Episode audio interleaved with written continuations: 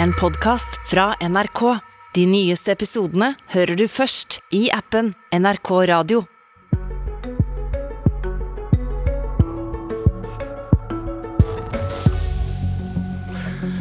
Denne uka starter kampen om pengene.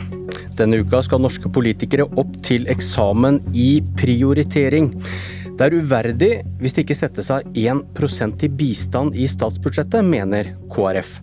Men, Vårt Land skriver at bistandsprosenten, den ryker. Krigen gjør at Norges inntekter skyter i været. Og da må utgiftene til bistand også skyte i været, hvis man vil gi 1% av Norges inntekter til dette. Men avisa Vårt Land skriver i helga at regjeringen derfor prioriterer prosentmålet ned. Det blir for dyrt. Kjell Ingolf Ropstad fra Kristelig Folkeparti, hva syns du om den nyheten? Hvis det skulle stemme, så er jo det veldig skuffende, og det er, det er usolidarisk. En skal jo huske at Det er jo en forferdelig situasjon internasjonal akkurat nå. Én eh, ting er den eh, påvirkningen det har i Europa, men òg for verdens fattigste så har det dramatiske konsekvenser. Så FN har jo sagt nå historisk at de siste to årene så har ni av ti land opplevd tilbakegang, og det er historisk. Og en ser òg at en har passert 100 millioner mennesker som er på flukt. Og Da synes jeg at det prinsippet som du viser til, bistandsprosenten, det er at for hver hundrelapp Norge tjener, så skal vi gi én krone til utvikling. Det syns jeg er viktig, eh, og det syns jeg er desto viktigere i en situasjon der Norge skiller seg fra de aller, aller fleste andre land. Vi håver inn penger pga. olje- og gassprisen er så høy. Vi får enorme inntekter, og da skulle det bare mangle at vi er villige til å sette av mer eh, for å kunne nå den prosenten òg i år. Hvordan vil ekstra penger til bistand påvirke renta, som regjeringen er veldig bekymra for? Ja, Jeg håper jo at jeg legger fram et stramt budsjett som virkelig tar hensyn til prisveksten i Norge, som tar hensyn til at en ikke må skru opp renta mer. Men det er jo det som er fint med bistand. Penger brukt i utlandet, brukt i Somalia, Uganda eller de landene som virkelig trenger det, det spiller ingenting inn på rente eller behov for justering av den i Norge. Så hvis det er argumentet vi må kutte eller vi må, vi må redusere oljepengebruken pga. Eh, rentesettinga i Norge, eller bare økonomien i Norge, ja, så er det feil. Fordi Da må en heller argumentere med at en ikke mener eller har tro på disse prosjektene, eller mener at bistand ikke virker. Det er en helt annen diskusjon. For dette virker ikke inn på renta, og derfor så bør vi i en sånn unntakssituasjon som det er nå, faktisk gi mer og opprettholde prosentmålet. Ok, Vårt lands anslag viser at det vil koste 11 milliarder kroner å oppfylle 1 %-målet. Eh, hvis det tallet stemmer, hvor mye vil KrF sette av til bistand neste år? Da må vi sette av de 11 milliardene hvis det er det som skal til. For det, det er jo utgangspunkt i at vi har tjent eh, ja, noen hundre, kanskje tusen milliarder ekstra. Eh, og, og, Derfor så spiller det inn på, på, på bistandsprosentmålet. Men, Men nå har vi jo nok penger, eh, så alternativet med dette er jo å sette det inn på oljefondet. og Det er mange gode argumenter for å spare et stort oljefond, men det er veldig veldig mange gode argumenter til å vise resten av verden at vi tar ansvar, og vi gir fortsatt 1 i bistand. Men Norge kan da tjene 1500 milliarder kroner ekstra i året pga. skyhøye energipriser. Og Hvis det da, som du sier, ikke skader norsk økonomi å gi penger til fattige land, hvorfor går grensen for det du kalte solidaritet ved 11 milliarder ekstra? Det er et spørsmål man alltid kan stille, og vi har de diskusjonene jevnlig på KrF sine landsmøter. Vi har sagt at det vi ønsker er å gi minst 1% bistand. Eh, og så er vi i en situasjon der vi tjener enorme summer, og da må vi bruke mye av de pengene òg eh, neste år, når, selv om det virker inn på, på, på oljepengebruken. Men spørsmålet var hvorfor går grensen ved solidaritet ved KrFs politikk? Jo, altså, når det er 11 av 1500 milliarder du har lyst til å gi av de ekstra kronene? Jeg kunne godt gitt enda flere enn 11 milliarder, men vi har sagt at vi skal iallfall gi 1% Hvorfor er ikke det politikken til KrF da, hvis du mener det? Det er mange som ønsker å endre den i KrF, men utgangspunktet er jo at det å faktisk gi 1% det er rekordhøyt internasjonalt. Og så er vi i en veldig gunstig situasjon, så jeg mener vi kunne gitt enda mer enn det. Men, men å få med resten av det politiske Norge på det, det er heller ikke mulig. Eh, og jeg mener at eh, de pengene vi har i oljefondet, de brukes på en klok måte og forvaltes på en god måte.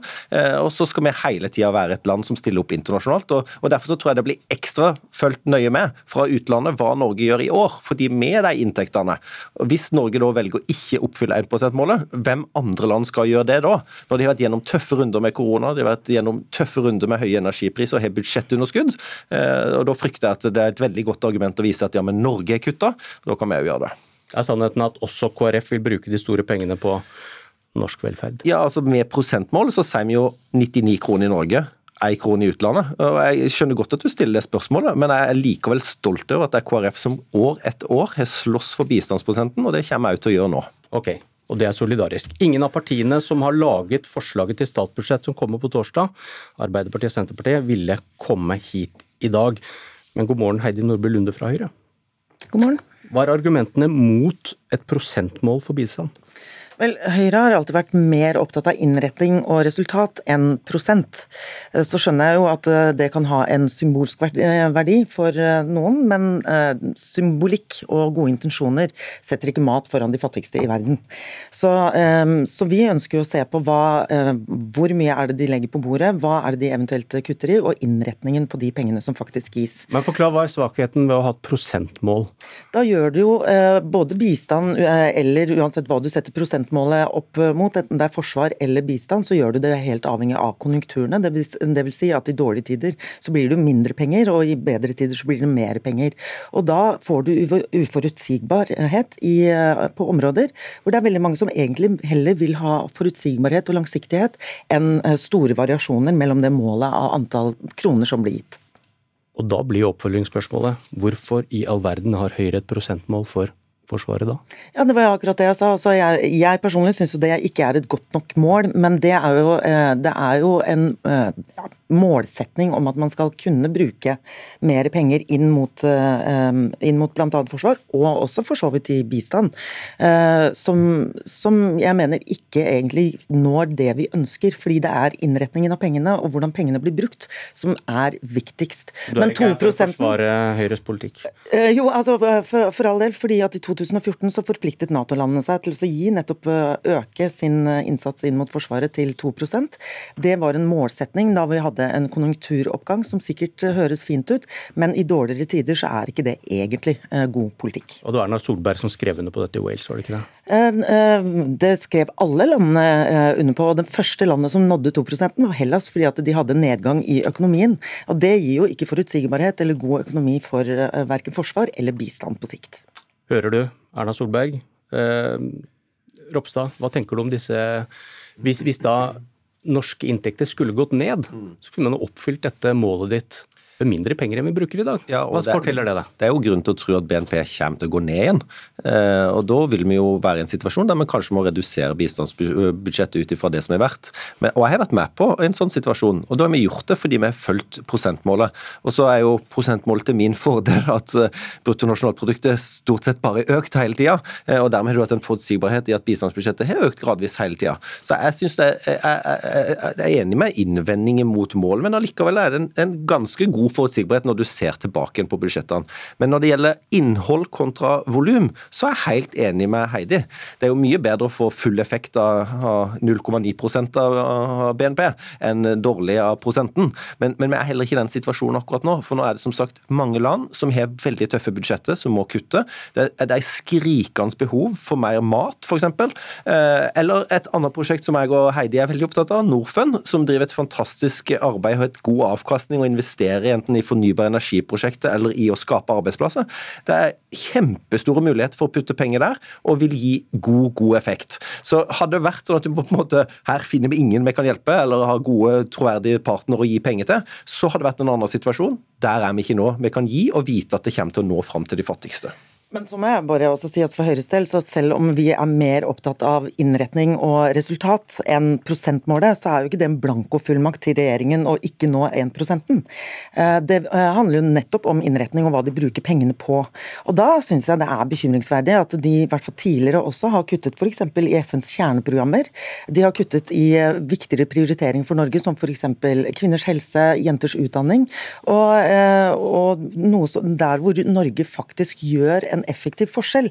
Og Det er jo viktig at vi opprettholder noe av den støtten vi har gitt, for det har noe ikke bare med Norges omdømme, det er jeg litt mindre opptatt av, men at man faktisk sørger for at eh, FN og bistandsorganisasjonene kan drive godt arbeid ute, eh, til tross for den situasjonen de er i. Men så har jeg lyst til å si én ting, programleder. Eh, det er fint at penger brukt ute ikke bidrar til økt inflasjon i Norge, men nå er det jo sånn at inflasjonen og prisøkningen skyldes mangelvarer. og det det vi gjør også med bistandskroner, når vi bruker mer penger ute, når det er mangel på matvarer, så bidrar vi også til å øke prisen på matvarene. Så det er ikke sånn at de pengene brukt utenfor eh, ikke påvirker økonomien i de landene der de brukes. Så vi må også være, eh, være opptatt av det, at det brukes riktig, og at vi når de målene som vi setter oss. Men, men, men da er det jo en argumentasjon at det er bedre å heller la folk dø, ikke få mat, enn å risikere noe høyere Nei, pris. Absolutt ikke, Kjell Ingolf. Det er det du sier, fordi det er, jo, det er, jo, mulighet for å kjøpe inn mat og kunne gi den til de fattigste. Så, så jeg kjøper ikke det argumentet som et godt argument. Nei, jeg sier ikke at det er et godt argument. Jeg bare sier at det blir veldig, veldig feil å argumentere med at dette er inflasjonsdrivende i Norge, men det vil jo være inflasjonsdrivende og prisøkende også i de landene der man investerer. Og Det er derfor det er viktig at pengene brukes riktig, og at man eh, da følger med på hva regjeringen faktisk gjør. Så det er ingen blankofullmakt til verken kutt eller om vi skal nå 1 %-målet. Ok, takk for debatten. God morgen, politisk kommentator i NRK Tone Sofie Aglen. God morgen. Hvordan hadde en normal statsbudsjettuke sett ut? Jeg tror i hvert fall at eh, landets bakere merker at det er en forskjell. For uh, ukene før statsbudsjettet så er vi jo vant til at uh, det er mange bilder i lokalavisene av politikere og ordførere med ulike gladnyheter over en eller annen kake. Det har vi sett veldig lite av i år. Det kan selvfølgelig handle om at det er færre gladsaker å, å selge ut, men det er nok også et veldig tydelig grep fra regjeringa, hvor man de siste månedene har vært veldig opptatt av å skru ned forventningene.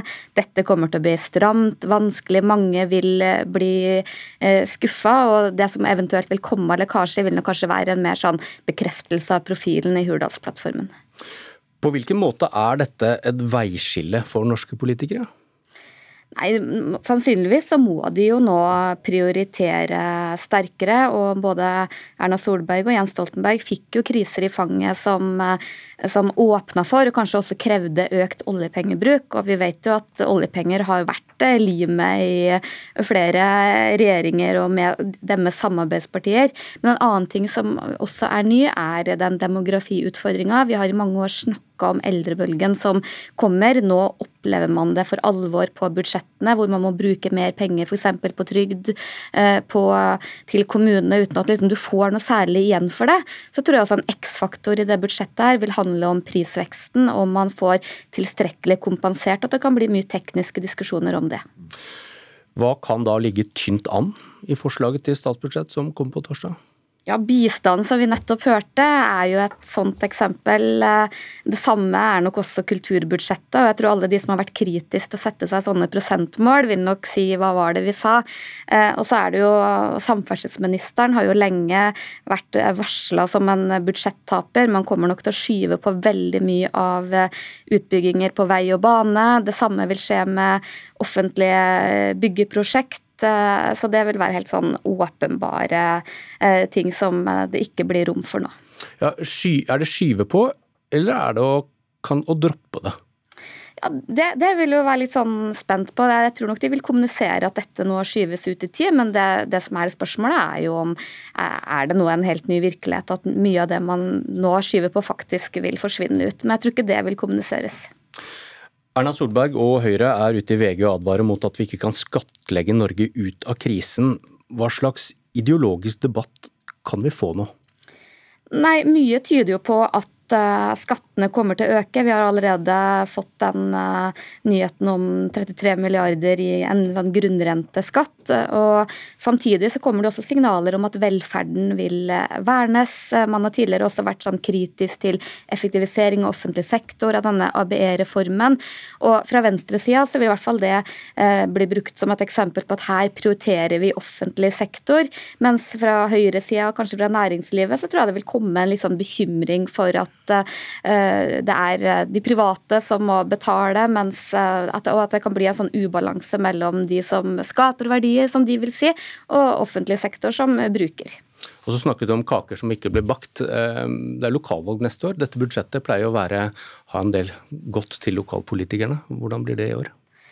Det blir i hvert fall ikke sånn som lokalpolitikerne ønsker seg. Sannsynligvis vil det jo bli en strammere kommuneøkonomi. Samferdsel, kultur er jo sånn typiske valgkampsaker. Og det vil nok bli en litt sånn prøvestein om de har lyktes med å skru ned forventningene også lokalt. For jeg tror det er stor forskjell på å på papiret være enig i at vi må stramme inn, men å se på at sin vei og kanskje sitt ordførerkjede ryker. Takk, Tone Sofie Aglen. Dette var Politisk kvarter. Torsdag kom budsjettet. Jeg heter Bjørn Myklebust.